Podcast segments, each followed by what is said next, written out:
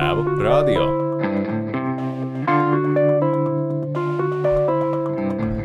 Sveiks! Tu klausies Tēvu radio, kurā runājam par vīriešiem svarīgiem jautājumiem. Mani sauc Gatis Smidrovskis, esmu tēvu grupu vadītājs un divu meitu tētis, un ar tēvu radio palīdzību cenšos saprast, kā lai mūsdienu tēvs izaudzina laimīgu cilvēku, un to darot, nesajūg prātā, uzlabo veselību un saglabā attiecības. Šodien manas sarunas viesis ir Kristaps Skutelis, kaislīgs motociklu entuziasts, airfryer testētājs, jeb tehnoloģija apskatnieks un bloga kursors LV galvenais redaktors, kā arī komunikācija cilvēks uzņēmumā TestDevLab. Slavens Twitter iznerotājs, Mirkļbirkas hashtag našķoties ar Kristapu izveidotājs un vienkārši jautrs čalis no Latgals. Kristaps ir tas go-to čalis, kurš saprotamā valodā mēdz visos plašsaziņas mēdījos mums pastāstīt par jaunākajiem tehnoloģiju attīstības līkločiem, un šodien parunāsim vairāk par to, kā tas viņam palīdz ģimenes dzīvē un kā tas ir uzņemties rūpes par diviem bērniem sievas atvaļinājumā. Um, labi, klausies, pirms mēs uh, ejam tajā jaut jautājumos par ģimeni, um, pastāstīji, cik liela tev ir ģimene? Cik, uh, cik veci bērni un, un, un kāda tad uh, tev izskatās? Jā, ja mēs runājam par, par manu, tagad, nu tā konkrēti tieši manu ģimeni, tad uh, man ir uh, divi bērni. Jā. Viens ir uh, otrajā klasē, otrs uh, mazāks ir dārziņā. Tātad kopā mēs esam četri. Un sieva vēl, protams, jā. Tā, cik tev veci viņi ir? Nu, otra klasnieks, kas tas ir kaut kādi astoņi gadi, kaut kas tam līdzīgs. Un, un, un, un, un meitas gadījumā vēl pāris gadi līdz skolai. Tas nozīmē kaut kas piecgadīgs, kaut kas tāds. Mm -hmm. uh, saki, tev tavas zināšanas par, par tehnoloģijām palīdz uh, mājas solī. Uh, tad, tas, ka tu diezgan avansēts esi uz tehnoloģiju lietām, vai tas ir kaut kas tāds, kas, kas tev palīdz arī ikdienā mājās? Konkrēti ģimenes jautājumos vai vienkārši mājās? Ģimenes jautājumos. ģimenes jautājumos, nu, tā kā uh, ap, ap pirmo klasi mums sākās jautājumi, kad bērnam vajag vai nu telefonu, vai kaut kādu ierīci, ar ko sazināties, tad man jau vismaz bija kaut kāda skaidrība, ka, teiksim, šie te pulksteņi ir diezgan drāmīgi, tie bērnu pēdiņās izsekošanas. Bet, nu, beigās mēs tāpat paņēmām, jo mums likās, ka tas mazais cilvēks ar telefonu, nu, viņš viņu nezinu, tur sadaudzīs, pazaudēs, un vienkārši viņam arī nu, nav īsti kur likt mazas rociņas, pats maziņš vēl. Uh, tāpēc vienu gadu mēs nolauzām ar to pulksteni, kas tiešām bija diezgan briesmīgs, bet, nu, teiksim, to pamat, pamat, pamat funkciju uh, vairumā gadījumā no zvanīšanas reizēm sazvanīt, tas izpildīja. Bet no otrajā klasē jau pie telefona tika. Nu, tur tādā ziņā tas palīdzēja.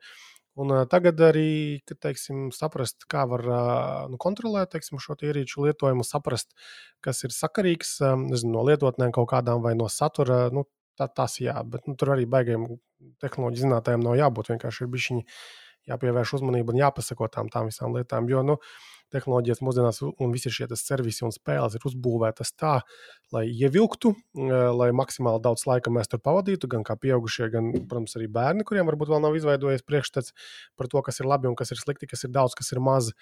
Tāpēc, jā, mums kā vecākiem, tomēr, manuprāt, ir nu, jāpieskata mazliet vai vairāk nekā mazliet šādās lietās. Mm -hmm. um, Labi, par šo varbūt bija šī arī vēl vēlāk parunāsim.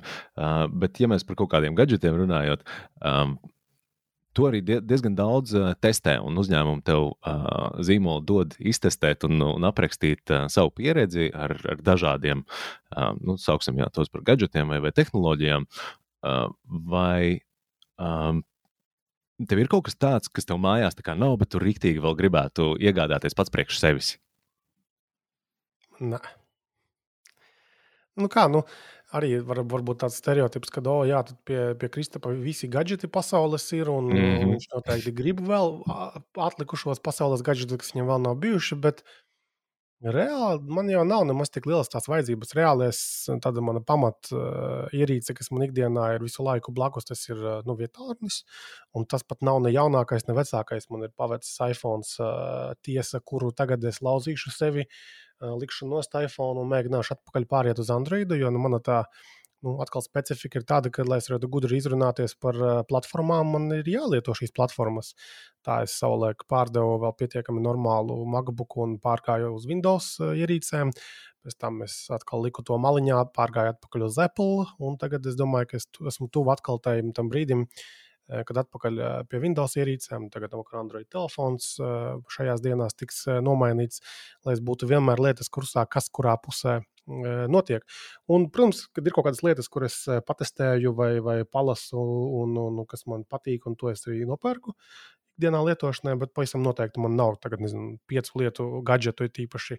Teiksim, saraksts, ko es gribētu, nu, tā kā rīktīgi. Un arī nav obligāti jābūt tām visām lietām tur ārkārtīgi dārgākajām. Jo vienā momentā, kad mēs sākām arī testēt mašīnas, uh, Tad bija tāds nu, interesants izbraukt ar, ar vienkāršākām mašīnām, ar dārgākām mašīnām, līdz pat tam, ka mēs esam braukuši ar tādām tur sportiskām, dārgām mašīnām. Mums ir Rolls Royce bijuši uz testu, un tad nu, ir forša perspektīva, ka tu saproti, kas ir tas, varbūt, kāpēc cilvēki maksā 300, 400 tūkstošus eiro par to mašīnu.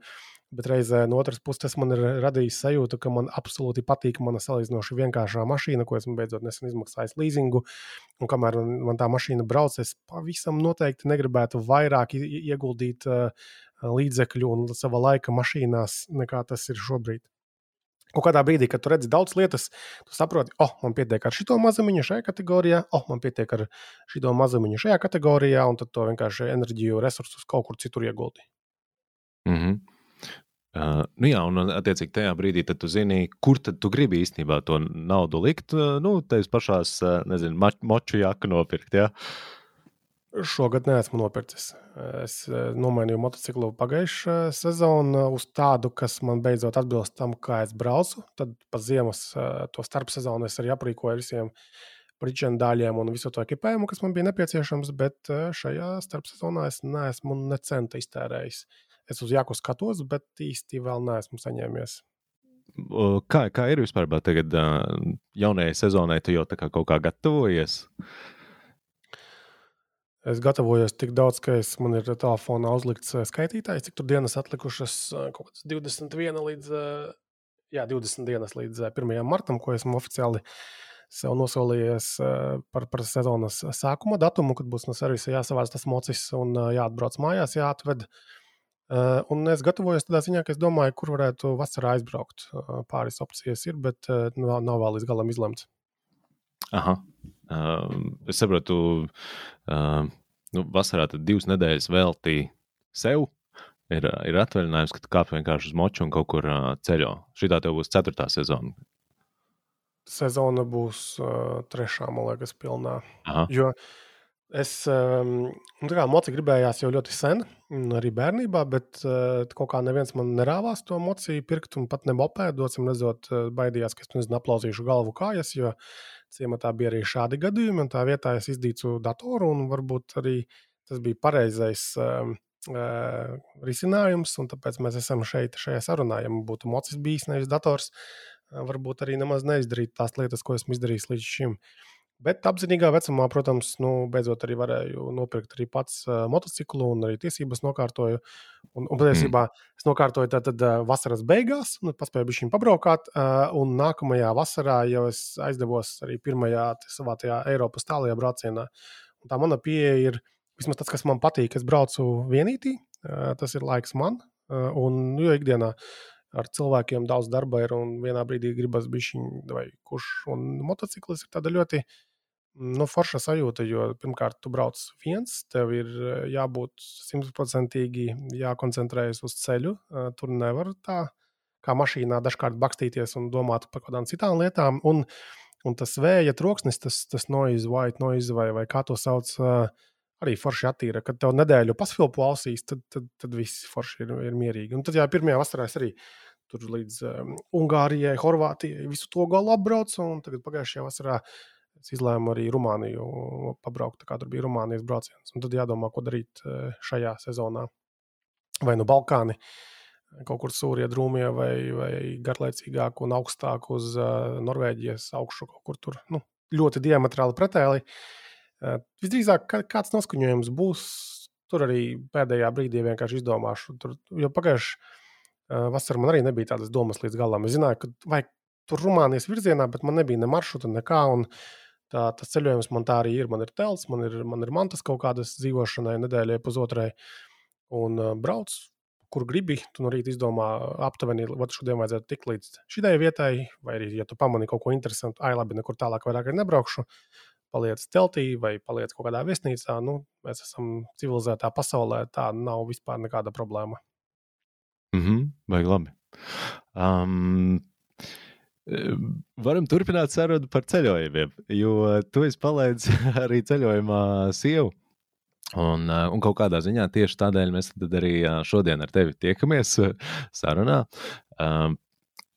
Sākušu to stāstu ar to, ka es no sociālajiem tīkliem es pats arī tagad pēdējā pusgadā esmu, esmu noslēdzies uz Twitteri, kā savējo sociālo tīklu, to Instagram un Facebook. Viņi man galīgi necepīja. TikToks ir nu, tāds pārāk atkarību atraisošs arī man.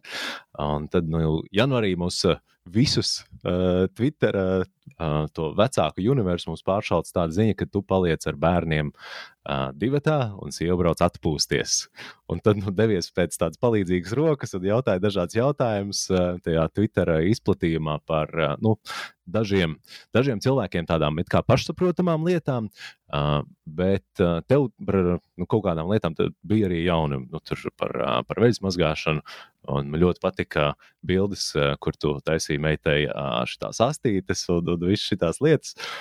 Un, uh, Uh, nu jā, tad pirmais jautājums par, par šo tēmu man ir, um, kopš sieva ir aizbraukusi, procentuāli Cik daudz vairāk tu tagad viņu mīli? Nu, vairāk. Procentos nereiķināsim. Nu, bet uh, vairāk ilgojos pēc viņas ar katru dienu. Uh, tas būtu precīzāk atbildē. Mīlēšana jau uh, ir, ir, ir nemainīga lieta, manuprāt. Bet uh, tas, kad uh, pieaugot laikam, kopš viņa ir prom, ilgošanās pieaug arī mm -hmm. proporcionāli. Nu, jā, nu tas, tas, tas tā kā vairāk domāts, protams, par to, kad, um, kas tev ir attausis šo droši vien jau gandrīz divu nedēļu laikā, ja, un, un, un, un nu, cik daudz vairāk tu varbūt novērtē uh, to, to sievas ieguldījumu. Jo man interesē tiešām, um, nu, kā, kāds jums bija bijis tas arrangements nu, pēdējos, uh, saprotu, astoņus gadus, ja, nu, teiksim, kopš, kopš bērni ir. Uh, uh, kas varbūt ir bijis uz taviem pleciem, ja teiksim, maisaimniecības kaut kādā uzturēšanā, un, un kas tad uz, uz sievas pleciem? Man liekas, ka tas sadalījums mums bija diezgan līdzīgs ar to, kā tas ir vairumā gadījumu. Un patiesībā tieši tāpēc arī visa manas Twitter tirādes arī ir bijušas, lai aktualizētu šo jautājumu. Un caur uh, dažkārt agresīvajiem, dažkārt kaut kādiem tādiem tīzliem atbildes tvītiem es arī guvu apstiprinājumu savai aizdomai, un arī tīpaši tajās aptaujās. Ja? Vienkārši mm -hmm. super stulbas un banālas aptaujas, kurš nezinu, mājās biežāk ēst gatavo. Viņš, viņa vai kas tur bija 50-50. Uh, un, un tas parādīja tik ļoti, es nezinu, sagaidāmu Sagaidāmas atbildes un tas tie, tie rezultāti. Nu, pārsvarā mājas lietas, nu, kā kopumu lielo pārsvarā Latvijā kaut kā ir iegājies, kad dara sievietes. Nu, mūsu gadījumā nu, tā arī bija. Nu, pārsvarā ar tādu reālo ēst gatavošanu nodarbojās sieva. Es domāju, tas ir tādas ikdienas lietas. Nu, tas, ka kaut kādās brīvdienu rītos tēdes uzcep pankūkas kaut kādas, nu, tas tāds žanra klasika, tik daudz es arī varu, vai, vai omleti ar pupiņām un šiem te kaut kādu bekonu, bet tā, ka pa vakariem ikdienās īsti nē, nu, no rīta es pats nēdu, un tāds, attiecīgi, man nav jāgatavo nekas priekš manis, bet bērniem tāpat kaut kas tur ir jāiedod. Viņi kaut ko pirms dārziņiem un skolām taču pagrauž. Tātad ēdināšanas jautājums bija uz sievu, tātad bērnu. Nu, vai atkal man iesaist šajā gadījumā, šajā konkrētajā pozīcijā, nu, kad uh, kaut kādos uh, iesaistās pie produktu sagādes. Nu, kaut kādā momentā apnīk arī visa tā sagāde, un tad tu tur pamaini veikalus, bet nu, tādā ziņā, ka to kopā arī dara. Tad nākamā pozīcija ir kaut kāda um, apģērbšana bērnu, nu, kas ir arī atsevišķa pasaule pa sevi.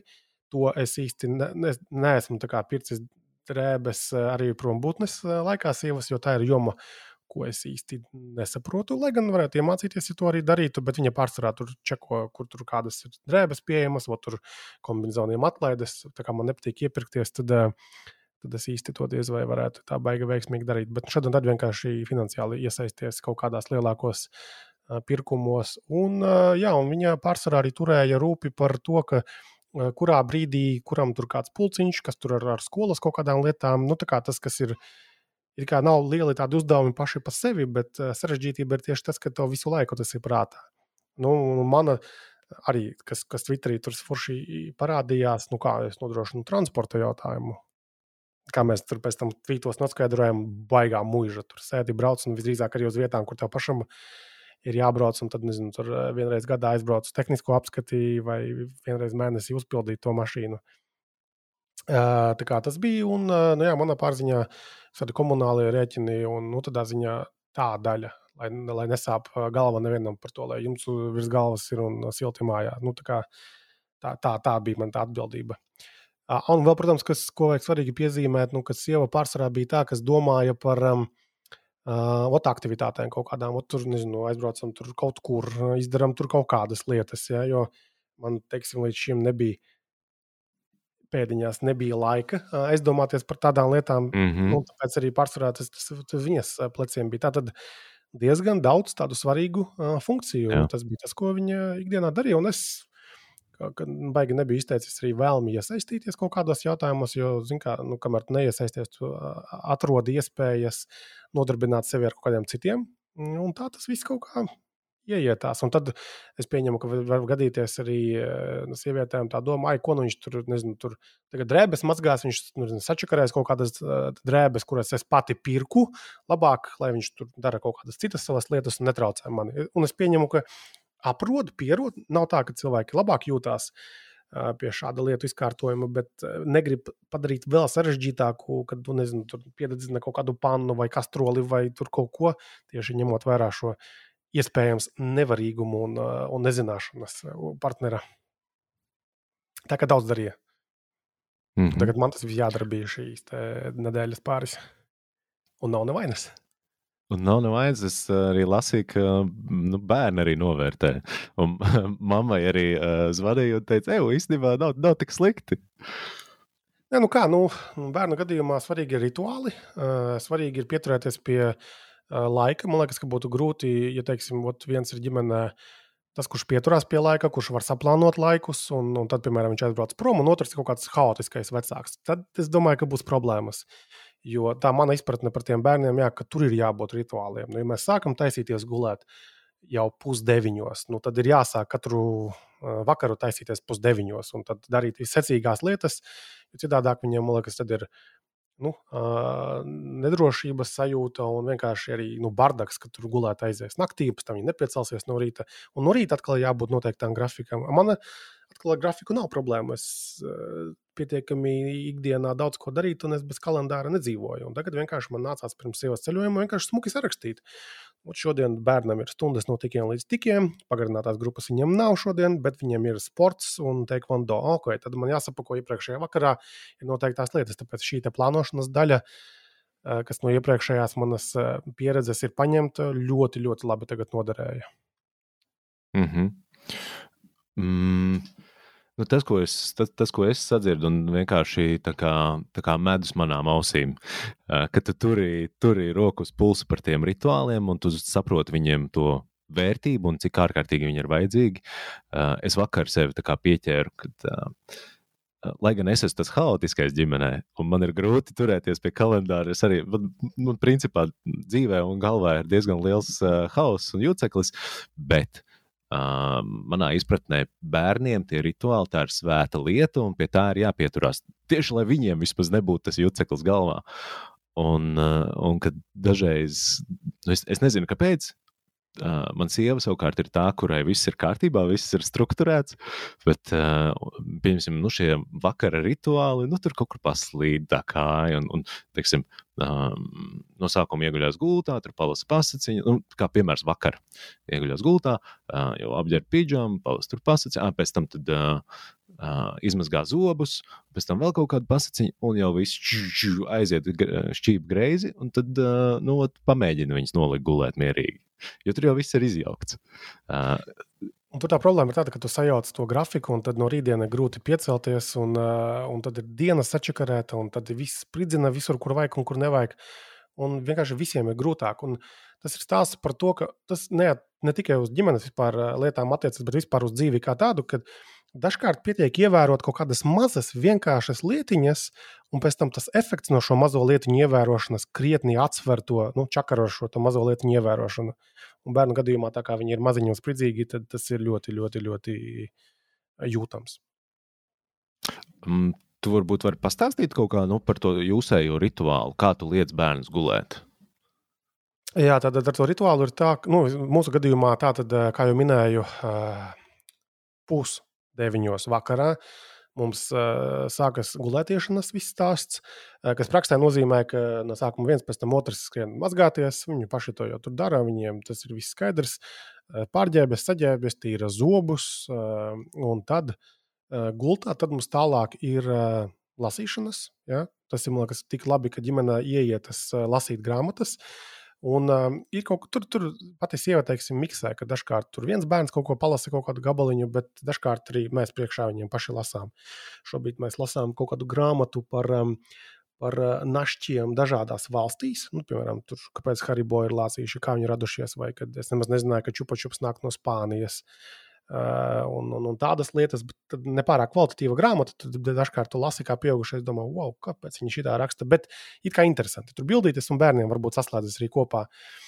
Un, un, un, un, un, un tad mēs vēl nesen veikalā bijām Rīgā, pamanījām tādu grāmatu, tādu piezu foršu stāstu grāmatu, tādu piedzīvojumu grāmatu par Tonje Grimerdāle. Kaut kāda piedzīvojuma maza meitnīte, tāda kura dzīvo nu, Glimerdālē, tajā, un viņa visādi interesanti piedzīvojumi. Viņa tur tādas foršas ir nodaļas, dažas lapuses, nu, tur, nezinu, četras, piecas tieši vienai vakara lasīšanai.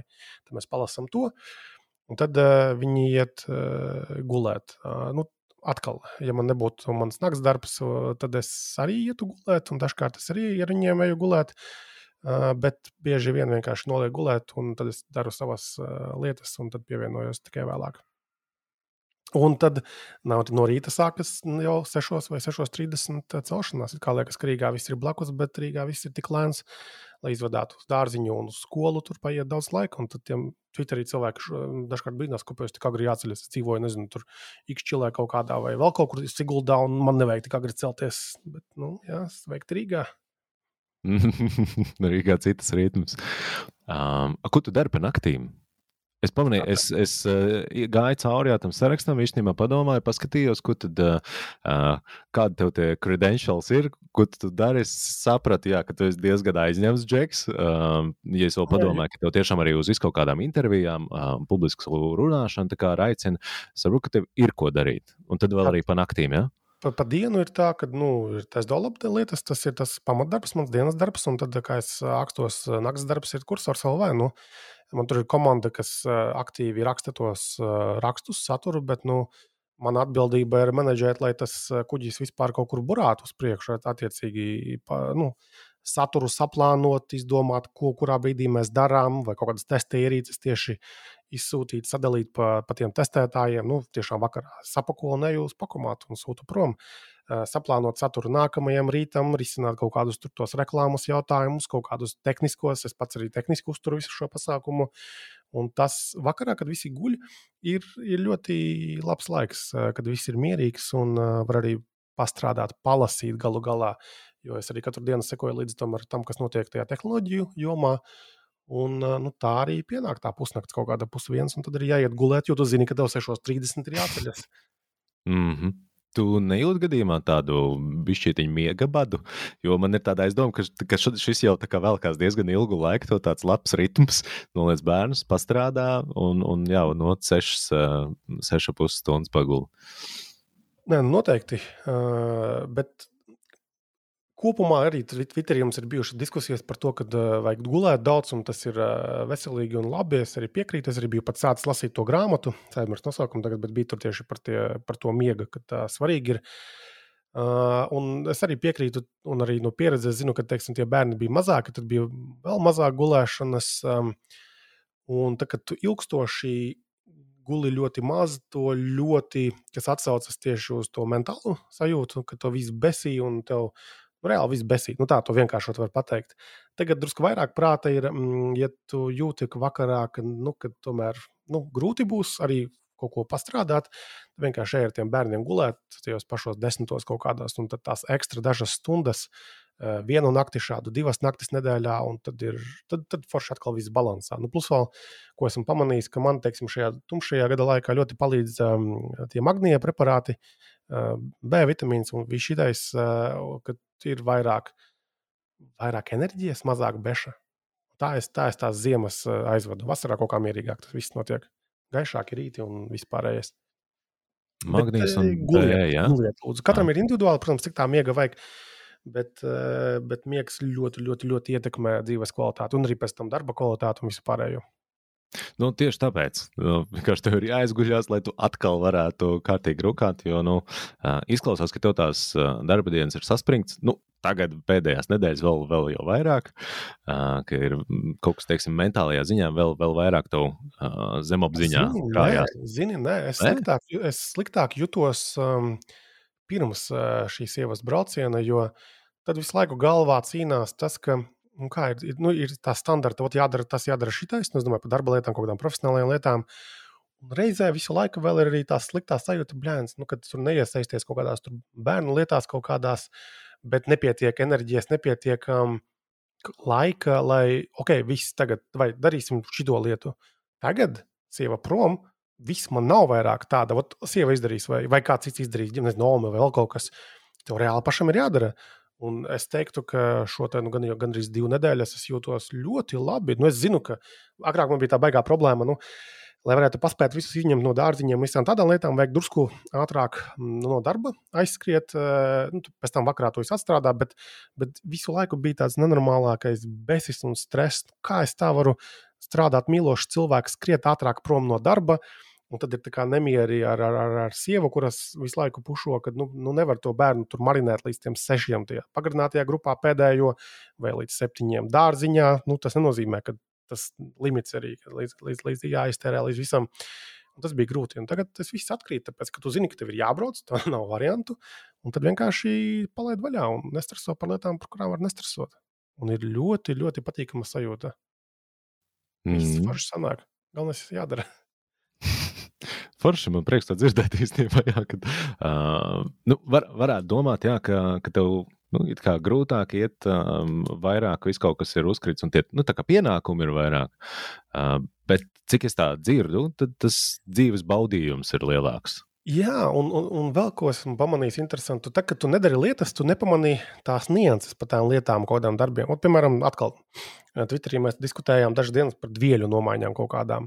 Nu, kā nu, ikdienā tu dzīvo tajās mājās, nu, jā, tu ir tie dvieļi kaut kādi. Nu, tu vispār nedomā par viņiem. Kāds viņus izmazgā vienmēr, kāds viņus tur sagādā. Bet tagad, tad, kad tu pats uh, mazgā tos dvieļus, tu viņus tur ieliec, izņem, pat pašamdināt, tas cietas baigi ne, neizskatās labi. A kā būtu, ja pasūtītu vienkārši vai, nu, nopirktu, nezinu, kādus jaunus dvieļus? Un to es izdarīju. Vai arī, piemēram, uh, tu tur tīri, uh, nu, jātīra māja arī divu nedēļu, nevar tīrīt māju, uh, un tu pamanīji kaut kādas, ot, nezinu, tur nomainīt tādas lietiņas vai šitādas lietiņas, kas pašas par sevi nav nekas baigais, wow, bet kamēr tu nedari ikdienā šīs lietas, tu nepamanīji šīs lietas. Vai traukus kaut kādus, ja kaut kāds baigie random trauki bija savākušies, un likās, ka baigi forši būtu vienoti visi. Nu, aizgāju uz Ikea un nopirki komplektu. Labi, to sieva vēl nezinu līdz galam. Es ceru, ka tur nebūs baigā smagā diskusija, kāpēc tu nezinu, tur noliki bludiņu no omītes laikiem un nopirki kaut kādus tur smukus, tumšus, matētus šķīvīšus. Bet to mēs risināsim, kad viņi būs atpakaļ un, un, un, un dažādās lietās atklājas kaut kādas nianses, kuras tu vienkārši nebūtu pamanījis, kamēr tu nedari kaut kādas lietas. Tas ir forši. Mm -hmm. Nevajadzētu pazaudēt, kad atbrauks atpakaļ sieva. To, to, ka tu pamani ja, tās nianses. To, ka tu dari šīs lietas. Un, attiecīgi, mm -hmm. pēc tam arī pamani lietas. Tas būs tāds interesants moments, jo, ja, ja, ja es neko neiestrādāšu no šajās divās nedēļās, uh, pamanītajām un darītajām lietām, nu, tad viss tas ir teikt, kaķim zem astes. Un, uh, arī visas šīs tirādes Twitterī arī ir diezgan nu, vienos vārtos, un mēs nonākam līdz tam, kas bija arī tajos aptaujas rezultātos, ka vīrieši ir cūkas un neko nedara. nu jā, mēs, mēs atgriežamies atpakaļ. Man, man tiešām liels prieks dzirdēt to, ka, uh, nu, es nezinu, vai tas ir uh, kaut, kaut kādā veidā atvēris tev acis ja, par, par, par šo visu, teiksim, kas, kas parasti ir uh, klasiski uz, uz sievietes uh, uh, pleciem. Un, nu, bet galvenokārt tas, ka jā, tu gribi turpināt to visu. Un, un uh, tas nav tā tikai uz, diviem, uh, uz divām nedēļām, ja atbrauks sieva un nākamajā dienā atkal viss kā, ir, ir uh, ierastajās sliedēs.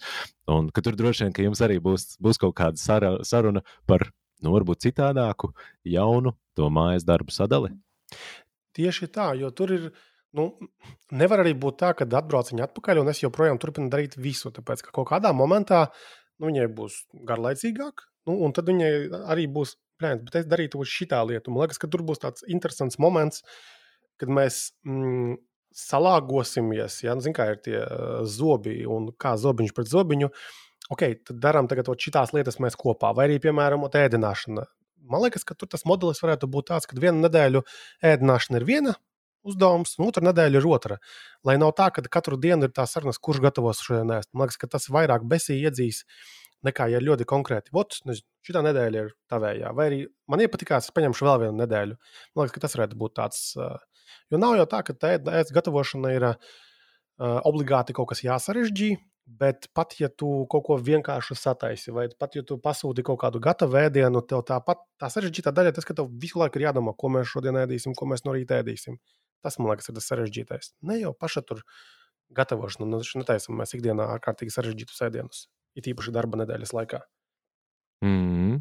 Tāpēc būs jādomā, kā mēs to sakārtosim jautājumu. Es tā kā ar nepacietību raugos uz šo sarunu. Jā, nu, tas, ko es arī īstenībā daudzos, uh, uh, daudz kur citur, un cit, citās ģimenēs, nu, gan dzirdu, gan arī uh, lasu tepat pašā Twitterī, ka daudzās ģimenēs ot, kāds modelis ir, tad viņš ir iecirsts akmenī, un, un tā arī ir jābūt. It īpaši no vīriešu uh, skatu punkta, nu, jo tā ir vieglāk. Uh, nav, nav nekas baigi jādomā. Bet, nu, redz, tavā variantā tas ģimenes modelis un tā miedarbība ir tāds dzīves organisms. Bet tas ir, nu, nē, nu tagad, tagad dzīves organisms kļūst, varbūt, bet pirms tam jau arī bija. Nu, katrs pierod pie kaut kādām lietām, ko viņš dara. Uh, un vairs tur īpaši netiek tāds jautājums, vai tas vispār atbilst kaut kādām nezinu, mūsdienu normām, vai tam, ko viens vai otrs cilvēks grib. Vienkārši piereduma jautājums. Tas ir tas pats rituāls stāsts par, par tiem bērniem. Bērni pierod pie tā, ka ir rituāli, un viņi, tas, viņi tā tiek uz priekšu dzīvē. Viņiem ir droši, viņiem ir ērti, un pieaugušiem pilnīgi tas pats. Cilvēkiem ir ļoti bailes, un cilvēkiem nepatīk izmaiņas, it īpaši tādas būtiskas izmaiņas, kas ir pieprasa viņu iesaisti kaut kādās lietās. Tāpēc, nu jā, nu, šeit, šeit ir tas gadījums, kad arī vokur izmaiņas tev pēkšņi bams ir. Mēģini uzpeldēt, no nu, ok, uzpeldējām. Un tagad jā, jāskatās, būs, kā, kā tālāk to visu sakārtot. Tagad cilvēki pierod pie situācijām. Pie tam sliktākais ir, manā skatījumā, tas, ka cilvēki pierod pie kaut kādām sliktām, it īpaši nu, atkal, ja mēs vispārinām un aptaujas rezultātus redzam, ka sievietes pierod pie tā, ka viņas ir tās, kas gatavo ēst.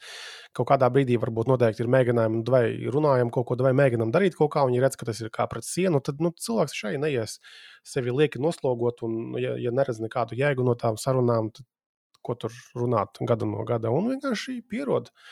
Un uh, laimīgs arī īpaši nejūtas no tā, ka ņauka.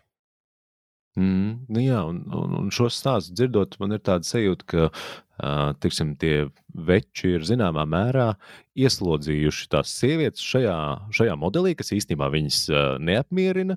Un tad, ak, ak, kur? Un šitā mēs tagad turpmākos 40 gadus dzīvosim.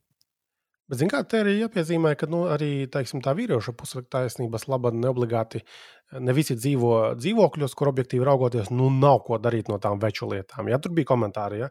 Kurš zāli pļauj un sniegu grābj. Sētnieks to dara, nevis dzīvokļos dzīvojot, mums nedarām mēs to paši. Noteikti citādāka situācija. Es vienkārši arī atceros uh, manu bērnību, kā mums bija privāta māja laukos. Un, Tētis visu laiku ārā bija kaut kur, kaut ko taču jānopļauj, tur zāle, kaut kas jāpaskrūvē, jāpakrāso. Uh, privātā mājā, no nu, kuras es izvairos izmisīgi, ir visu laiku ko darīt. Tāpēc arī nevar teikt, ka ot, tas uh, vīrišķis tur sēž, dara alu kaut kādu savā vibe beaterītī un, un nekur neiesaistās. Jo objektīvi raugoties pie privātmājas, ja vien tev nav kaut kādu sētnieku atsevišķi un vispārējais, tur ir daudz ko darīt. Tad vienkārši ir jāspēj arī izbalansēt. Un arī varbūt gadījumā kaut kādā, kad nedēļu arī virtuvē pastrādā ja? kaut kādas lietas. Jo arī sievietei pie privāta mājas kaut kādas puķu dobas jākopjas. Drīzāk vecis nu, neies, tur neravēs kaut kādas rododenderus. Tas ir arī nu, diskusiju jautājums. Bet tas nav arī tādos vienos vārtos, manuprāt. Jā, jā, tas galīgi nav, nav cirsts akmenī, un, un, un tie ģimenes modeļi, jā, kā jau mēs saprotam, ir tiešām ļoti dažādi. Ir arī tie paši veči, kuriem patīk ar rododanderiem tur ņemties. Un vēl, vēl arī teiksim, par tādām lietām, kas ir ieietas un kas nerada nekādu prieku. Piemēram, ja viena puse nu, no pāra rūpējas par kaut vai to pašu rēķinu apmaksu kaut kādu.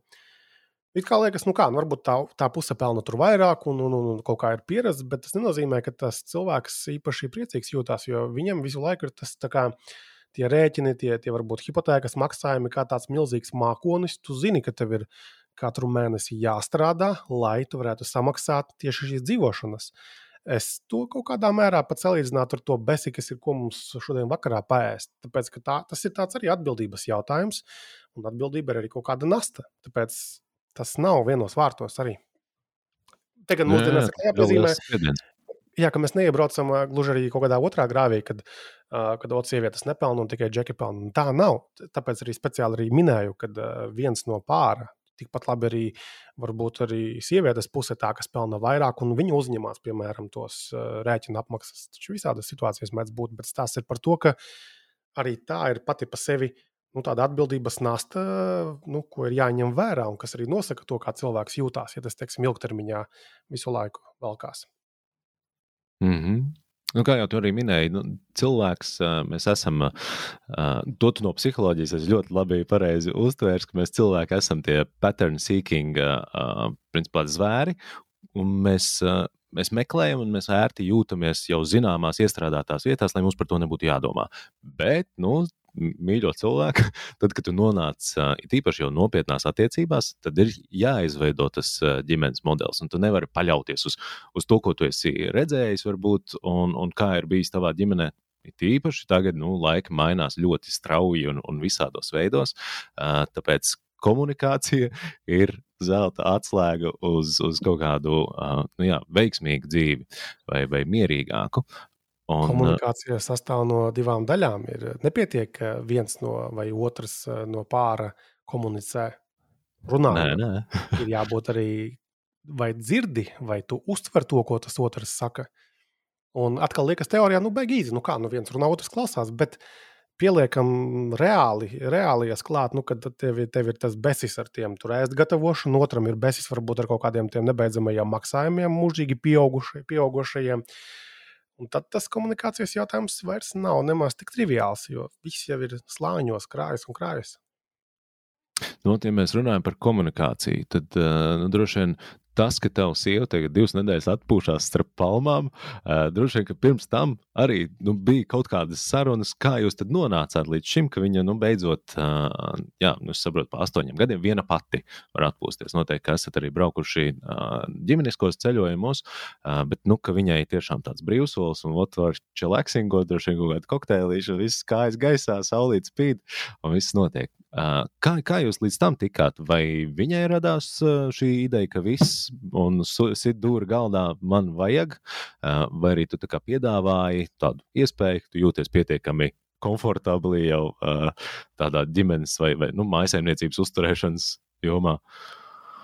Šis ir tāds interesants jautājums. Tad, kad pirms tam divām vasarām sieva ļāva man nu, doties vienkārši paņemt brīvu laiku un aizbraukt ar to mocītajā ceļojumā, uh, bija kaut kādos draugu lokā, un varbūt arī publiski Twitterī tādi interesanti komentāri no sērijas, kā tu vari vīru palaist prom uz divām nedēļām, sazināties, kur vienam vazāties.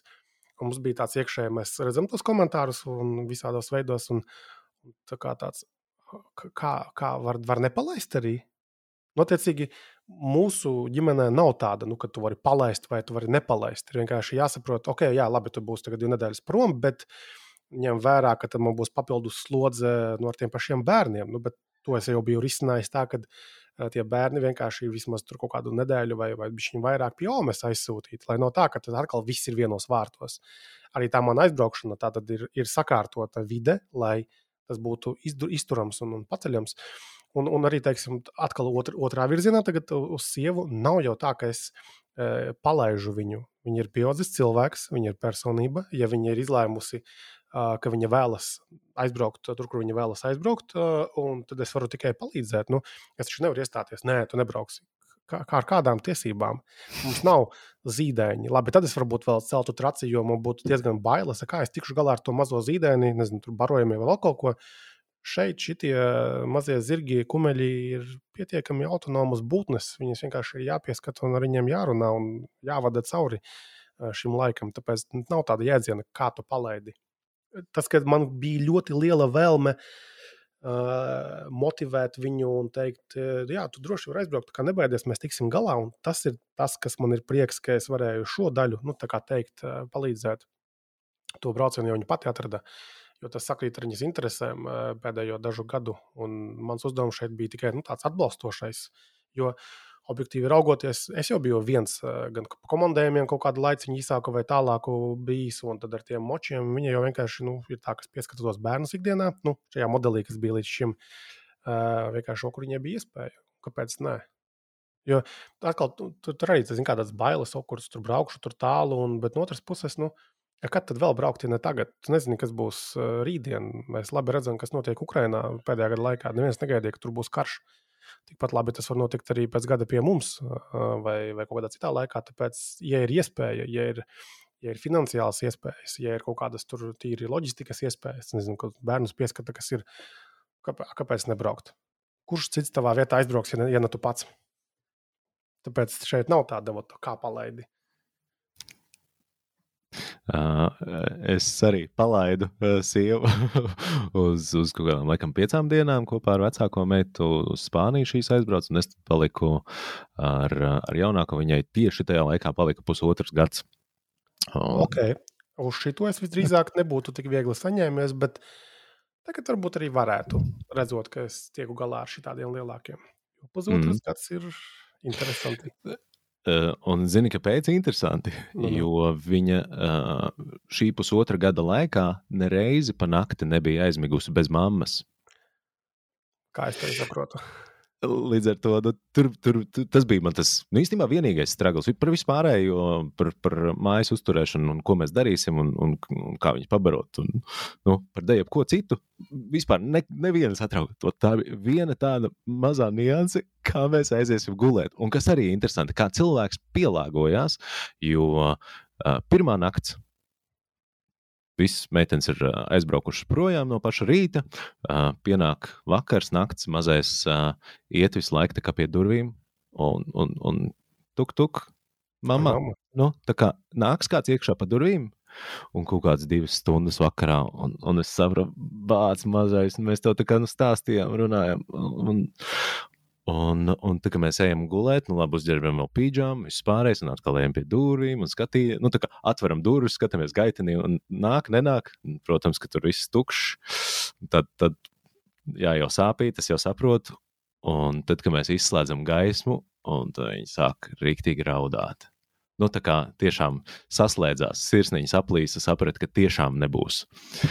Nu, tad kaut kādu stundu viņi paraudāja, nu, saprata, nu, ka stulbi. Sāks tu bija mī. Uh, kaut kā aizmiega. Uh, par pa nakti vēl viņa, laikam, pamodās uz, uz 20 minūtēm, raudāja, nu, kad, kur tad mamma, kur tad mamma. Nu, principā tā arī nogulēja. Bet, bet īstenībā, ja ņem vērā, nu, ka nu, tikai stundu viņa raudāja, tad fine. Jo pirmos četrus mēnešus viņa visu laiku raudāja. Nu, neviens viņu nevarēja nogulēt ar, ar krūti, bez krūtis, knupis vispār neeksistēja. Un nākamajā, nākamajā naktī vispār īzī. Tā kā, nu, tur arī bija forša, forša rutīna mums izveidota, silta vāna, tur uh, kaut kāda tur uh, dvielīša, viss kaut kas mīksts, pūkains, silts pieniņš un, uh, un vīgriežu dēļ, kas nomierina arī papildus. Uh, palasam to viņus kaut kādas zaķu pasakas. Uh, es uh, iemācījos mammas dziesmu repertuāru. Tā arī viņi kaut kādas 15, 20 minūtēs man uh, aijā žūža un uh, aizmigt. Viss kārtībā. Un viss tā, visas tās naktis vispār bija perfekti. Vairāk nevienu reizi ne, nekādas sūdzības, un tikai pirmajā naktī tā atklāsme, ka šaize. Divas lietas. Pirmā lieta ir tas, ka jā, cilvēki pielāgojas, un mazi bērni pielāgojas, man liekas, vieglāk nekā mēs, kuriem ir pēdiņās dzīves pieredze kaut kāda, ja, un viss šitais. Uh, Uh, un tas, kad tie, tie bērni ar, ar, ar, ar mamām, tomēr citādāk, ja mamma ir blakus, tad viņi vairāk mēdz atļauties, viņi tur mēģina pieprasīt no viņas vairāk, ja mammas nav, nu, jā, nu, ok, dilidēt, nu, nu, ok, nav. Protams, ka ir grūts pirmais vakars, bet man liekas, ka tāpēc arī prasīja, kas nāk, notika nākamajā dienā. Bet varbūt, uh, kad viņi izaugs liels, šis cilvēks varbūt tā, tas būs atstājis kaut kādu neizdzēšamas atmiņas, ja? nu, tagad es tā ar joku, protams, mēģinu šim jautājumam pieiet, jo, jo ir kaut kādas nianses no bērnības. Es neatceros neko daudz no bērnības, bet ir kaut kādas nianses, kas man nepatika bērnībā, un tas ir uz visu mūžu. Tā kā es ceru, ka tas nav tavējais case. Uh, es, es, es par šādu veidu traumām daudz esmu domājis, jā, un ko, ko tiešām mēs, mēs ar tādām nu, piespiedu darbībām nodaram bērniem. Man ir aizdoms, ka nē. Mēs ļoti labi pavadījām laiku. Es, es ļoti izbaudīju, ka es varēju ilgāku laiku pavadīt kā, neatrauti no viņas. Ja? Jo, uh, nu, tad, kad uh, mēs esam četri ģimenē, visu laiku kaut kāds bārdaks, viens pie otra, un tā un šitā, un, un pietrūkst tas uh, one-on-one, -on -one, tas laiks, ko mēs saucam arī grupā, teiksim, par divīti. Ja? Kad tev ir laiks divatā tiešām uh, koncentrēt, un tas ir tik krūti. Un, un šajā koncentrētajā laikā tur tas cilvēks tik ļoti, nezinu, pavarās. Un, nu, tu, tu viņu ieraugi nu, tā kā pa īstam, nevis garām skrienot. Uh, tā kā tādā ziņā pff, svētīgi. Es tiešām uh, ļoti, ļoti izbaudīju to laiku. Vienīgā problēma, jā, ka nācās rīktīgi nolikt, protams, visus darbus pie, pie malas un vēl joprojām mēģinu nu, atgūties un, un saraut. Bet uh, tādā ziņā forši. Jā, nu manā gadījumā atkal tā kā ir nu, tas dārziņš, jā, ir tā skola, nu, ar pagarināto grupu vēl otrajā klasē. Uh, tad tas ir diezgan savietojams arī ar normālu tādu dienas darbu. Nu, būsim reāli. Uh, bet atkal tas, ko es arī biju domājis un paredzējis, un arī priekšniekam arī teicis, ka, ja kāds no viņiem saslimst, nu tad, sorry, not sorry, bet es esmu mājās, man nav variantu, strādāšu attālināti. Un tad bija tā pagājušajās brīvdienās tā tāds puņķis un uz temperatūru vilka. Es domāju, nu, vai tiešām man izkrita bingo. Uh, Bet nē, viss kārtībā saņēmās, un, eh, un nedēļā esam aizvadījuši arī otro nu, jau veiksmīgi. Mm. Vienkārši jāsaprot, atkal par to nevajag stresot, jo arī uh, tas, ko es arī, piemēram, arī, kad, kad sieva ir, ir arī šeit, no nu, ok, nu, slimo, piemēram, bērni. Mūsu gadījumā gan viņi nav tik baigi slimīgi, kā citiem dzirdēts. Bet tāpat, ok, kurš paliks mājās? Ja? Nu, kaut kādas reizes es, kaut kādas reizes um, sieva, kurš tur brauks ātrāk. Tas arī ir kaut kāda lieta, kas uh, nu, kas sakrājas, ja tu nepievērsi tam uzmanību, nu, tādu uh, pienācīgu un, un nezinu, ļauj otrajai pusē pieskatīt visu laiku arī tos slimos bērnus. Tas jau nu, cilvēks arī strādā joprojām. Tikai vakarā tev ir papildus slodze ar, ar, ar slimīgu bērnu. Jau, jau ar veselu bērnu ir slodze, bet ar slimīgu ir vēl uh, plus 35%, ko noņemties. Mm. Un tas sakrājas. Ir ja īpaši, jā, ka viņiem ot, pusotra gadīgs, tā kā viņam puķi ir, viņš visu laiku ar vēl daudz vairāk grib tur opā un, un samīļoties un, un, un gulēt. Un, un, nu jā, un tas viss, viss process ir uh, skaļāks, īstīgāks, visiem grūtāks. Par tādām vienkāršām saslimšanām, tādām, kas, nu, jā, jā, jā. Jā, jā. Uh, nu, tajā brīdī, kad ir, kad ir kaut kas uh, smagāks, tur jau pamat, pamatos viss ir daudz grūtāk. Uh, tur ir norūdīti jau vecāki. Um, Jā, un, un, un saistībā ar, ar varbūt jā, to kaut kādu varbūt laiku, nu, laiku divu tā, vai, vairāk laika varbūt ar tiem bērniem tev izdevies tagad arī pavadīt. Kā, kā tu jūti? Varbūt tu kaut ko jaunu arī uzzinājis par saviem bērniem? Tā kā, ot, nu, tā godīgi atbildot, tad ot, savācam mēs viņus vakarā no tām skolām, un kad mēs sēdētu un runātos par dzīvi, nu tā arī nav. Protams, ka braucot mājās, tur apjautājies, kā tur dārziņā gāja, kā tur skolā gāja. Un, un, un nevis vienkārši tā ķeksīšu pēc, bet, nu, interesanti, taču, kas, kas tur, kā viņam tur ar tādu klases biedru, tu ja zini, ka viņam tur kaut kāda ir vēsture ar kaut kādām lietām, vai kā tur tādā pulciņā, vai šī tādā pulciņā. Tā kā tās sarunas, un, Tad pirms gulētiešanas mēs mēdzam, mēs dabūjām šos exploding kittens, tās kāršu spēles. Es esmu dzirdējis kaut kas foršs. Diezgan interesanti. Jā, es, es neesmu, neesmu radis laiku iepazīties ar noteikumiem, un es daru tā, kā viņi saka. Man ir sajūta, ka mani piečakarē viņi diezgan regulāri. viņi tā diezgan brīvi un dažkārt mainās tie noteikumi atkarībā no situācijas. Bet tas ir kaut kas tāds, ko mēs kopā tur spēlējam, un tad kaut ko arī tur paķinām. Tas ir tāds laiks, un arī brīvdienās tam bija vairāk laika, tur kaut ko tur ēst, padomā, vai arī, piemēram, ot, nezinu, gribu pārslas kaut kādas. Ja. Uh, nu, tā ir iela, ie, ieber ielai. Nu, nē, nu, vai tu tagad to dari, es pastāvēšu blakus, un tādas lietas, kādas, kas būtu normāliem tētiem jādara. Bet um, kaut kā tādas aktivitātes vairāk. Bet tā kā sēdētu kaut ko beigi par dzīvi runāt, nu, darba nedēļā nesanāk īsti. Prāts mm. ar darba lietām, kas nav atruna, bet vienkārši fakta konstatācija, diemžēl. Jo pienāks moments, vajadzētu.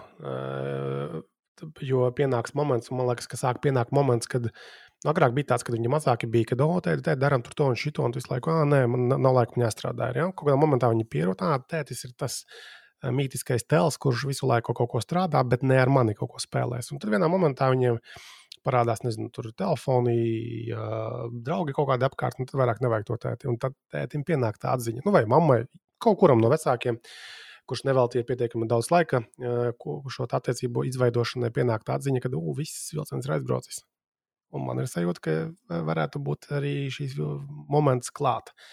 Tādā ziņā, ja, ja, ja aktīvāk neiesaisties, tad tas moments noteikti būs klāt. Kaut kad ap šo vecumu, man liekas, viņi uh, savos kaut kādos draugu lokos uh, vairāk ieplūst. Jo uh, līdz pirmajai klasē, nu kāda tur mm, apkārt ciematā viņiem tie, tie bērni ir, tur viņiem visiem vienalga, viņi katrs par sevi domā vairāk. Bet tad, kad ir tā pirmā, otrā klase, kad ir klase kā koncepts, ja, vai kaut kāda tur ciemata puikas apkārt, tad uzreiz viņiem intereses parasti pielāgojas tam, kas tur notiek. Tādā ziņā jā, viņam noteikti ir interesanti jā, nu, iepazīt un kaut kādas tādas draugu grupas veidot, un viņam vairāk laika pavadīt. Bet nu, autoritātes ziņā vēl joprojām vismaz vecāki ir svarīgi. Ap kaut kādiem 12 gadiem, sorry, vecī, tur gan vilciens aizbraucis, nu, nu, aptuveni ap to laiku tur vienkārši autoritāti ir draugi. Kaut kādā ziņā tas ir uh, jāpieņem. Nu, tā, tāda ir tā realitāte. Tāpēc līdz 12 gadiem tev ir jāizdara tas lielais mājas darbs, Un, eh, un man ir, teiksim, nu, kaut kādā sāpīgā ziņā uh, liek aizdomāties par to, ka uh, tāda statistika, ka līdz 12 gadiem mēs pavadām ar bērniem uh, kaut kādā 75% no tā laika, kas mums ar viņiem vispār ir kopā atvēlēts. Principā, drūmi, ja, drūmi, ja to tā pavērš. Bet, bet tu tā parēķini, Bļāviens, tiešām ar 12 gadiem, un visu, nu, viņš kā viņam beidzās skola. Uh, pēc skolas viņš tusē ar draugiem, atnāk mājās, varbūt uz vēlām vakariņām, aiziet gulēt. Un tu pa brīvdienām viņu satiec, jā, uh, vēlams. Uh, un tas ir tāds, tāds, tāds foršs koncepts. Un tāpēc, nu, un, un arī redz, mēs, ot, tie strādājošie sensīši, ja tu, ja tu vakarā ar viņiem nepavadi tādu, nu, kā sauc to kvalitatīvo laiku, tiešām neiedziļinies. Jo es arī, diemžēl, diezgan bieži grēkoju tā, ka, nu, ir kaut kādi darbi skrējoši, uz ziņām jāatbild, tur ēpasti un viss pārējais, nedod Dievs, vēl Twitter sāk tur pingot, un, un uz visu kaut ko ir jāatbild. Jā, es ķipā esmu ar, ar, ar bērniem, visu laiku telefons ir kā rokās. Un ar pirmo meitu es, es, šī, šī man bija tāda svēta lieta. Es negribu, lai viņa redzētu, ka man rokās ir telefons, ka attiecīgi ka telefons ir svarīgāks par viņu. Un, diemžēl ar otru meitu es redzu, ka es sačkoju, un viņa arī daudz svētāk uztver telefonu, ka viņai vajag, vajag viņu rokās kaut kā dabūt. Um, nu jā, te ir, te ir viena vien feature, var, es nezinu, varbūt šis, šis arī tev palīdzēs. Es zinu, ka daudziem, daudziem tēviem palīdz to, tā, tās saiknes izveidošanā un uzturēšanā tas kvalitatīvais laiks, un saucās tā metode divītis. Attiecīgi, tas ir laiks divatā, netraucēti, uh, principā ne telefoni, nedz arī, it īpaši mums ir tādas, nu, jau četru cilvēku ģimenes, pārējie arī netraucē. Mēs esam divatā ar katru bērnu desmit minūtes uzliekam timeri vai smilšu pulksteni, kur viņš tiešām ir ierobežots, noskan timeris, beidzās divītas. Viss. Ejam, ejam atpakaļ, teiksim, ģimenē. Un, un šī divīša laikā uh, viss, ko tu dari, tu pievērsies tikai bērnam, tu viņu cildini, viņu komplimentē, tu vēro un komentē, ko viņš dara, visas viņas, viņa darbības, tur kaut kādas zīmēšanas, var kaut kādu, nezinu, spārdīt bumbu vai, vai kaut kur rāpelēties, kāpt. Ir tas, tur, kur tu viņu stiprini, tu ieliec viņā iekšā šīs labās, foršās atmiņas, kaut kādā ziņā arī par sevi.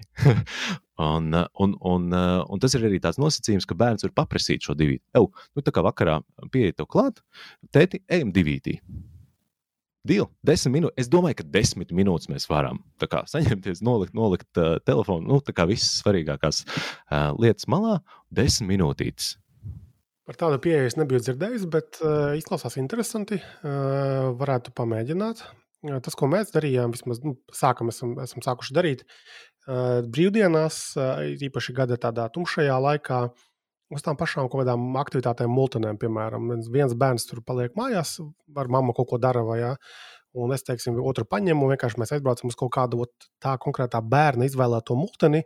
Jo tas jau nav tā, ka tu aizbrauc un tikai pie tā ekrāna nosēdi. Tev ir tas ceļš uz turieni, tu tur runājies par kaut kādām lietām, kas ir nu, tas pats divītis arī sanāk ceļā līdz tai multinē, pēc tam tu tur izvēlējies kaut kādus ko, ko, ko, našķus un tā. Un pēc tam pēc tās multines tu normāli ieguldies un emocionāli un izrunā, ok, tas vilks tur tajā runcī bija tāds briesmīgs baigi, ja, un tā viņas vilpošana arī nebija foršā, kāpēc tev tur bija, kas tev patika, kas tev nepatika, aiziet paēst tur pēc, pēc tam. Tā kā mēs šitā esam mm -hmm. sākuši darīt, kas ir arī forši. Jā, baigi labi prieks to dzirdēt. Mm, klausies, Uh, pārējiem pie Twitter jautājumiem. Es mīļākā sadaļa. Uh, esam gandrīz stundu norunājuši un uh, varam ķerties pie oficiālajiem Twitter jautājumiem. Viņi nebija nemaz tik daudz. Man liekas, ka iebirs ot, tur lēnums ar visu kaut kādiem, nezinu, nu, šitiem. Uh, es arī tur lasīju tavās, tavajos tvītos, tur kaut kādi pārmetumi atkal, un, un viss šitie te. Un man ir milzīgs prieks redzēt, ka tev viņi vispār neskar. Es ļoti ceru, ka tiešām arī nu, lido garām uh, visas tās negācijas. Um, Pirmais, pirmais bija no Mika Kronberga.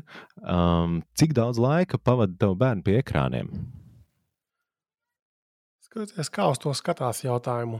Um, mums ir tātad, nu, Apple ierīces.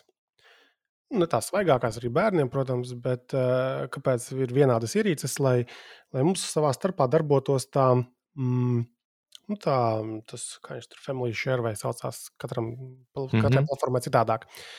Lai mēs varētu konkrēti kontrolēt, jā, šī tā lietotne tur tik stundas, piemēram, vai, vai, vai, vai, vai, vai vienkārši tā vispār nav pieejama lietotne. Uh, Mums ir limiti arī tīri pa stundām kaut kādām, un tad, kad uh, tieši puika sāka lietot to otrajā klasē to telefonu, tad mēs diezgan arī nu, ievērojam. Tiešām tā tur, tur, tur stunda kaut kāda vai kaut kas tamlīdzīgs arī ir.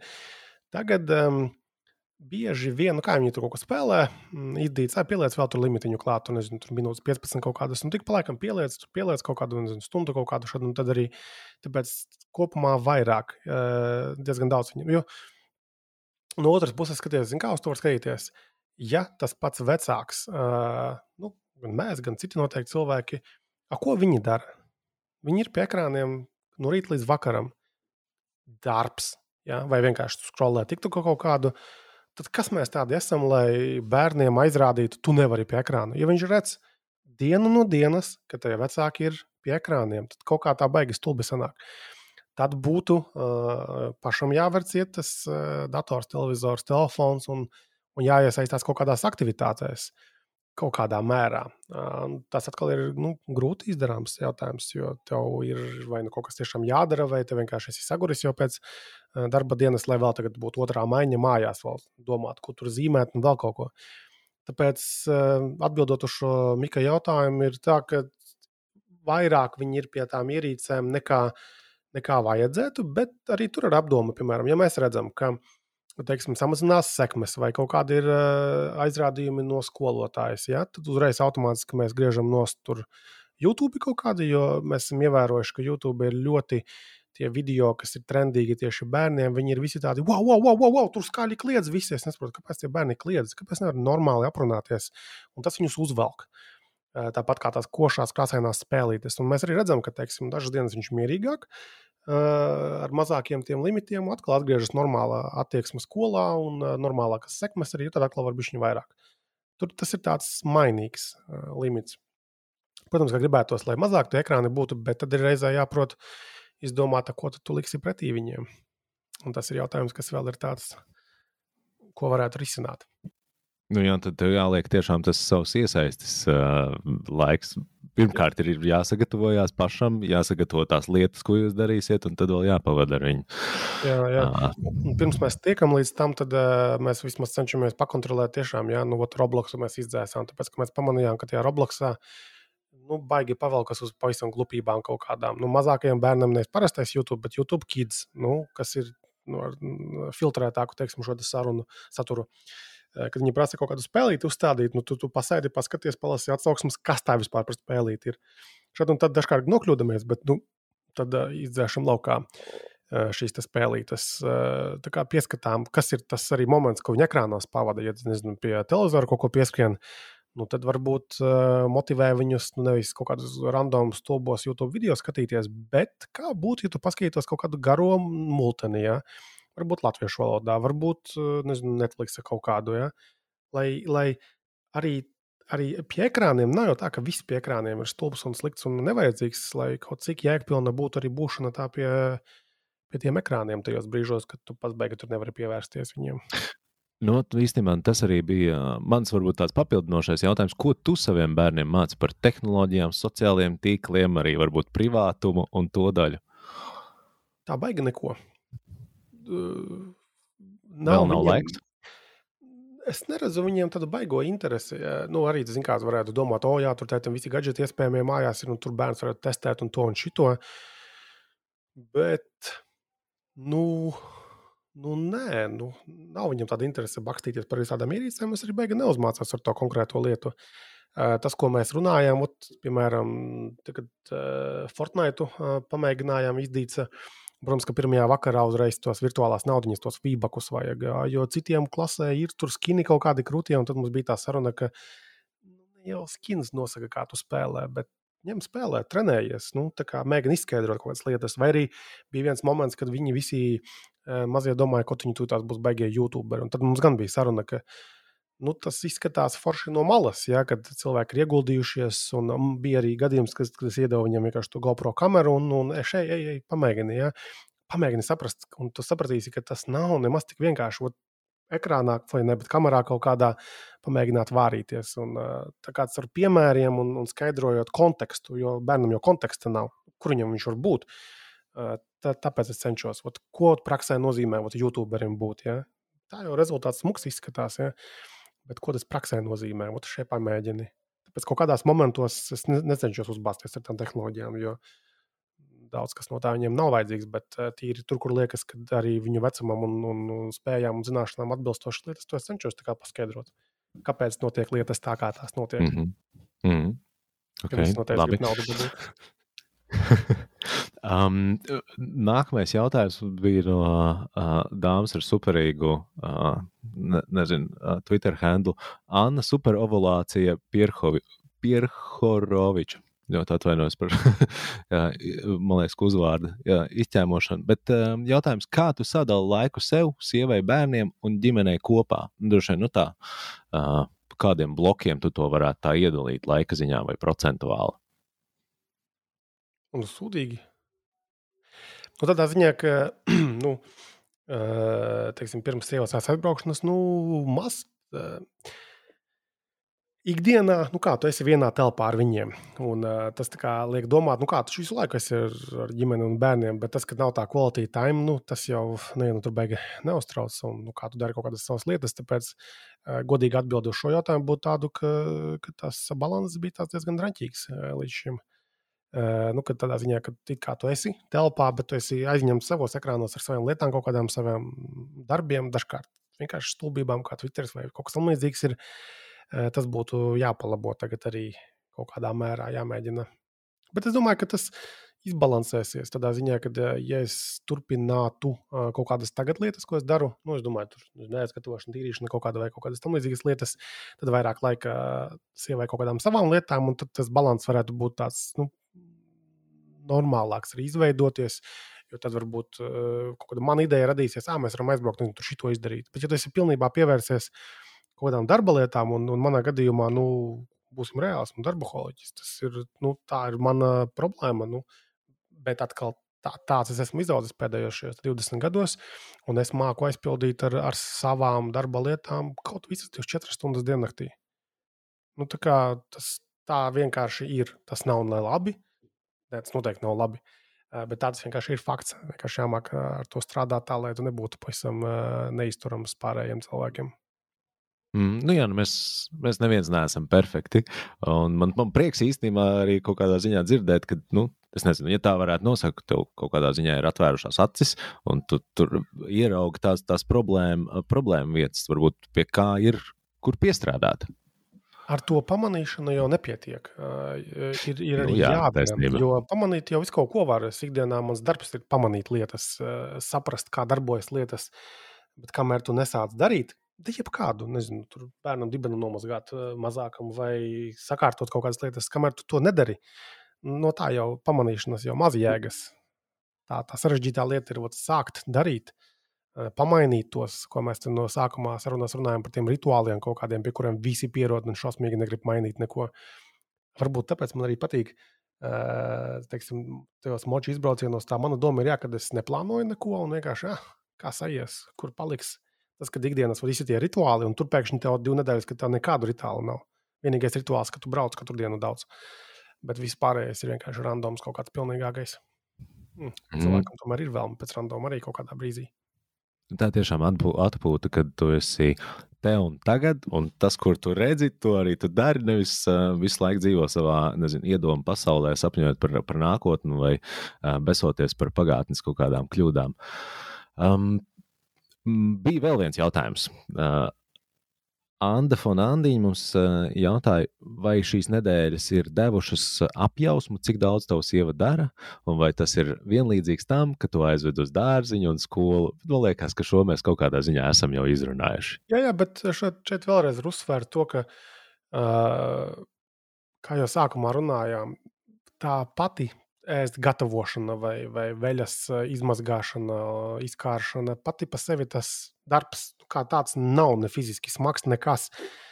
Sarežģītā daļa ir tā, tas, ka tas nekad nebeidzas, un tas ir tas, ko, kas ir prātā sēž visu laiku. Manā gadījumā manas darba lietas man sēž visas tās 11 stundas, kad es neguļu. Šeit ir tas pats tikai, tikai, tikai ar šīm lietām. Tas ir tas sarežģītais. Un, protams, ka nu, arī tā funkcija par to mašīnu tur ironizē, ironizē un ar sarkasmu kaut kādu, bet, bet beigās arī saproti, nu, jā, baigā mūža. Tu vienreiz mēnesī uzpildīji to mašīnu. Labi, šodien es arī nomazgāju. Minūtes 15 es tam veltīju. Nu, viss, jā. Un tad tik, tikai tik, cik uzturēt viņu tīri finansiālā ziņā. Un tas atkal ir tas mākonis, kas vēl kas pie visām tām rēķina lietām. Bet tā citādāk, baigā tur darbs ar to mašīnu. Tas, ka tu vienkārši kā funkciju nodrošini transportu. Tāpat kā tiek nodrošināta ēdiena nu, ēdiena sagatavošanas funkcija vai drēbju izmazgāšanas funkcija. Nu, ja tā uz nu, funkcijām mēs skatāmies. Mm -hmm.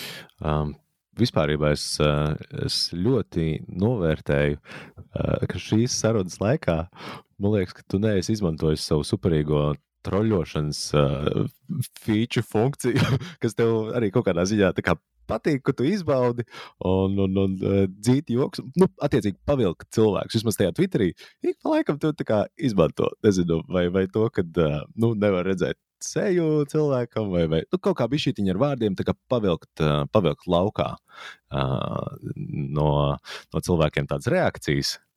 Ja? Uh, un ka te mēs esam nosēdušies uz tādas nu, realitātes, vai parunājam par, par īsto dzīvi par, eh, par šo Twitter troļļošanu.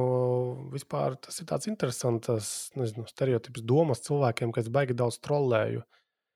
Bet tā jau nav. Tā, tā mana pieeja Twitter, izteikti Twitterim ir tāda, ka tur es nemēģinu iztaisīties ne par ko, par ko es, ne, es neesmu. Es vienkārši ko es domāju, to es saku. Jā, daļā gadījumā es saku glupas lietas. Um, uh, bet tas nav vienmēr trollēšana kaut kāda. Un arī, piemēram, nu, tas, kāpēc es jautāju, vat, piemēram, par tām pašām, uh, kā lietot veļas mašīnu. Ne jau tas, ka es nemācētu pogu piespiest un ieslēgt, bet, uh, ja padomājam mazliet dziļāk, nu, man ir tā izpratne, pat ne, kā nespeciālistam, ka tās drēbes mēdz būt dažādas. Vai viņas var miksēt, piemēram, bērnam teikvando doboks ir baltā krāsā, vai es viņu varu likt kopā ar svaigi nopirktajiem pelēkajiem dvieļiem. Atkal, it kā liekas, daudziem cilvēkiem noteikti ir loģiska lieta, nē, da, nevar, jo saka, nokrāsosies, bet, teiksim, ja tu to ikdienā nedari, tad tas ir tāds, ok, jā, vai tas no kaut kādas temperatūras. Nu, it kā liekas, super vienkāršs jautājums, bet jebkurā arī vienkāršajā jautājumā, ja tu ej dziļāk, tad nekas tur vienkārši nav. Vai arī, piemēram, nu, mums ir tā žāvēšanas funkcija. Mūsu pieredze ar to žāvēšanas funkciju nu, nav baigi pozitīva, jo tur sabojā drēbes un uh, daudz tur enerģijas patēriņš kaut kāds. Citiem atkal cita pieredze kaut kāda. Man interesē tie viedokļi ne jau par to, ko um, par to, ko es pateicu tieši man atbildēt par viedokļiem, bet man interesē, kāda cilvēkiem ir pieredze ar, ar viņu šo tēmu, Ot, kā viņiem ar tiem žāvētājiem veicas, ja? vai kā viņiem tur ar kaut kādām, piemēram, ēst gatavošanu. Nu, nav jau nekā tur baigi sarežģīta ar tiem vienkāršiem ēdieniem. Ja? Bet kaut kādas interesantas receptes, vai kaut kur, kur nu, nopirkt uh, kvalitīvas desas kaut kādas. Tas ir tas, kas man interesē. Tas ir tā, tā papildus, tā pievienotā vērtība tai diskusijai, kur es vienkārši graudiņu iemetu. Uh, un man interesē, kas tur apkārt stāv augstam graudiņam. Tā, tas ir Twitter burvība, un Twitterī tas ļoti labi darbojas. Jā, tas bija interesanti. Parādās tās, tās diskusijas, kas, kas pēc tam zina, tu iemet to graudiņu, atstāj viņu uz kaut kādām 3-5 stundām. Nu, lai tur, lai tur parburbuļo pats par sevi, varbūt. tā varētu, bet es nekad neatstāju. Es vienmēr esmu visā diskusijās iekšā un cenšos kuršināt. Un, tā. un otrs puses, uh, es strādāju komunikācijas jomā. Man ļoti patīk eh, vērot, kā veidojas diskusijas, kā var vadīt diskusijas. Covid laikā bija interesanti vērot, kā dzīvojās slavenais tenzinieks no savas kolkas vai kurienes.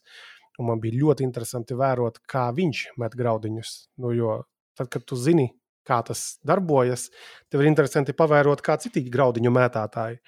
Skaidrs, ka nofēlo kaut kādas diskusijas, un uh, dažkārt tu saproti, kāpēc nofēloja, vai kaut kur netur aizbrauc tā diskusija, vai tu nevarēji izkontrolēt viņu. Uh, bet dažkārt ir tās opiņā arī šitā var. Un atkal tas nav ne labi, tas nav ne slikti. Tas vienkārši man liekas, ka cilvēkiem, lai arī no vienas puses gribās baigi, lai viss ir paredzami un saprotami, bet reizē cilvēki ir nu, ļoti tomēr ar savām individuālajām niansēm kaut kādām. Un, ja tu viņus pagrūti, viņi ļoti koši parādīs savas individuālās nianses un savus domu gājienus. It īpaši pusanonīmā vidē, kāds ir Twitteris. Mm, nu arī jā, īstenībā. Uh, kaut kādā ziņā tu esi atbildīgs par to, ko tu pateici, un nevienmēr atbildīgs par to, ko cilvēks saprot. Uh, un, un tā, jau ir, tā jau ir komunikācijas tā otra puse, ko cilvēks ir sapratis ar to, ko viņš izlasīja. Uh, kur, kur jā, nu, Twitter ziņā mums ir ļoti ierobežota. Tik, tikai teiksim, lasītais vārds, mēs nekādas intonācijas, ne, ne, ne mīmikas neredzam un vispārējā. Par to atbildību jautājot, tas arī ir, ir jāsaprot, ka jā, es visu kaut ko tur daudz un dikti rakstu, bet um, tas, ko es rakstu Twitterī, es tikpat labi to arī varu sejā pateikt. Nu, es vienkārši tā uzskatu un tā domāju, un pārsvarā es varu arī pamatot, kāpēc es šādi vai tādi saku. Nu, tikai dzīvē, protams, kaut kā nav iegājies, ka cilvēki vienkārši iet oh, tur pa ielu un, un runā kaut ko nu, paši vainīgi. Mm. Mm, klausies, uh, drīkst tev jautāt, kā, kā tas bija uzaugt Latvijā? Man no Latvijas ir uh, tikai vecmāmiņa bijusi. Es tur pats pie viņas ciemojos, laikam, uh, vienu, divas reizes tādā stipri agrā bērnībā. Uh, bet turbūt tu vari arī bišķiņi padalīties, kāda bija tava bērnība, nu, teiksim, līdz uh, pusauģu gadiem. Ja, ja es mācītos tavā klasē, tad kādu Kristofu varbūt es, uh, es redzētu? Līdz, līdz kurai klasē? Nu, tur pieņemsim līdz desmitajai. Tā tad, tad, kad tu esi maziņš, tu baigi nedomā par to vidi tik ļoti, kurā tu audz. Es domāju, nu, tā kā latgalē, jā, tu, tu esi tajā latgalē tu audz, bet tu baigi tu par to neaizdomājies. Te tagad tu to novērtē. Kad tu nāc no latgales un ka tu vari lepoties ar, ar, ar to daļu, kas ir tavā nu, raksturā, teiksim, no turienes nākusi. Skolas gaitas bija arī tādas uh, savdabīgas, jo, nu, man abi vecāki ir skolotāji, uh, mazā ciematā, uh, Pušmacovā. Viņi bija arī tajā pašā skolā, kur es mācījos. Mamma angļu valodu pasniedza, un arī es mācījos pie viņas savukārt, un, un tētis bija tātad mat, maitrība zēniem, matemātika, un viņš arī bija tā sanāca, ka dažus gadus arī klases audzinātais tajā klasē, kur es mācījos. Un, protams, ka tas nekā nepalīdz izveidot normālas attiecības ar klases biedriem, nu, nu kā skolotāja bērns un vispārējais. Un no otras puses, uh, tas, ko tagad jau kā pieaugušais cilvēks apzināties, ka, nu, kā, ka vecāki arī uh, viņi nemēģina radīt situācijas, kad, uh, kad varētu teikt, o, jā, viņi vecāki palīdz savam bērnam. Un tas sanāk, ka ir nu, pušo tevi no vecāku puses, ne, nu kā, ņem pats mācīties kaut kādas lietas, vai pats dari kaut kādas, un reizē arī klases biedri tā baigi nepieņem. Nu kā, tāpēc, ka tu esi tur skolotāja bērns, ja pārējais tur daudzīties un, un, un, un lietot alkohols un pipēt jau mazās klasēs, un tas tā kā iet gar degunu man. Un tad pēc pamatskolas gan es pārcēlos dzīvot un mācīties uz Reizekni, nu, ģimnāzijas mācījos prom.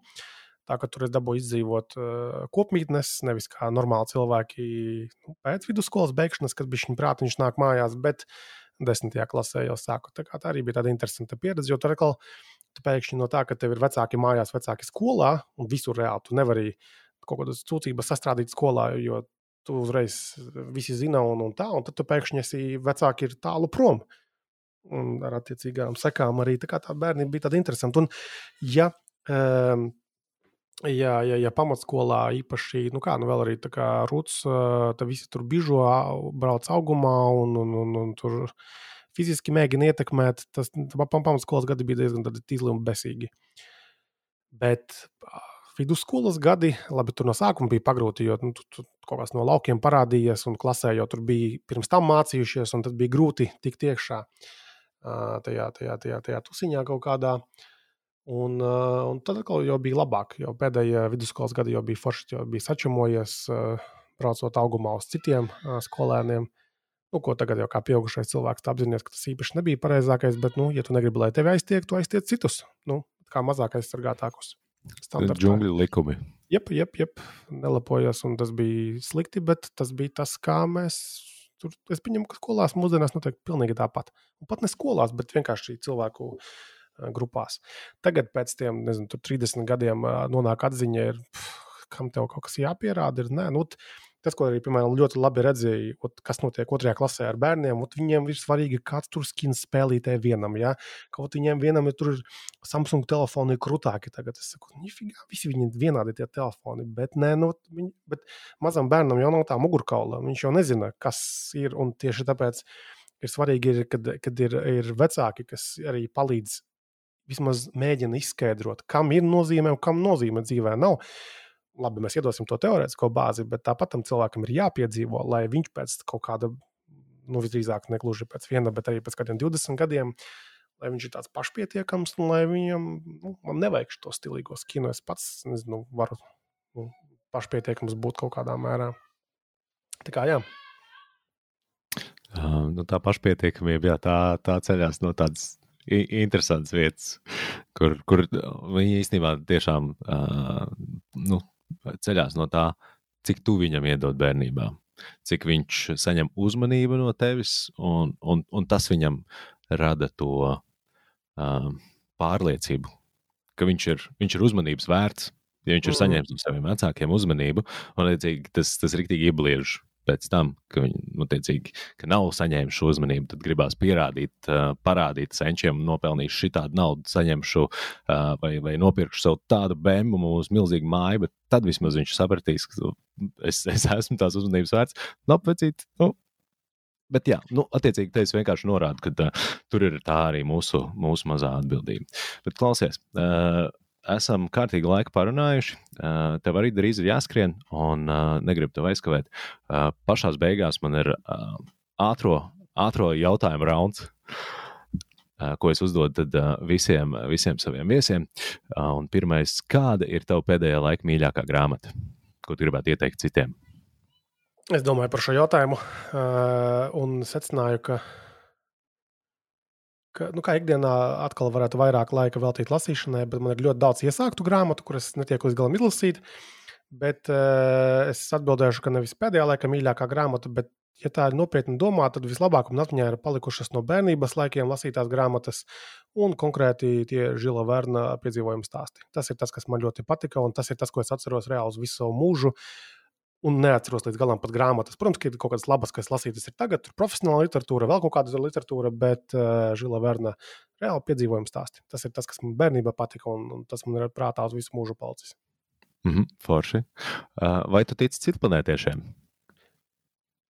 Es būtu bēdīgs, ja nebūtu nekā cita bez mums. Tāpēc uh, es pieņemu, ka kaut kas ir.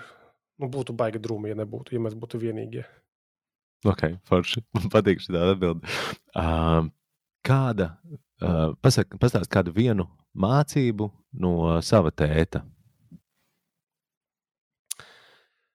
Tas, ka ir jāstrādā. Viņa gadījumā viņš, viņš, viņš ir cilvēks, kas uh, nu, rokas viņam no pareizās vietas aug. Viņš, viņš bija tas, kurš kaut ko tur skrūvē, tas, kurš bija kaut ko tur būvē, tas, kurš var salabot kaut kādas lietas, uzbūvēt lietas kaut kādas.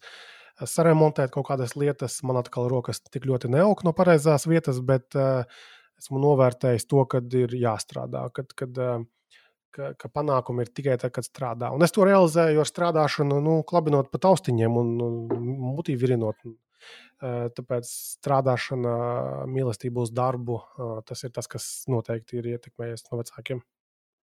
Mm -hmm. Paldies, tev liels. Nu, un pašā nobeigumā tu vari uzjautāt vienu jautājumu arī man. Kas, kas tev ir varbūt radies šīs, šīs pusotras stundas laikā, vai, vai arī kā citādāk? Par grāmatu pastāsti to, ka tu. Oi, vecīt, paldies tev. Ot, ot, paldies, jā. arī, arī, arī, arī es gatavs atbildēt uz šo. Ja? Um, man par, par, par, par grāmatām īstenībā man vairāk ir arī šo jautājumu prasījuši. Bet um, es tagad, um, nu, arī kaut kādu pēdējo gadu baigi sačkoju ar grāmatām, un, un, uh, un vairs ne, nelasu. Un, uh, un, un īstenībā audio grāmatas arī neklausos. Bet tas, ko mēs tagad uh, lasām ar vecāko meitu, Alfons Trīsveids, viņš ir tik rēcīga grāmata. Nenormāli krūta. kā, kādam vecumam tu ieteiktu viņu lasīt kopā bērniem?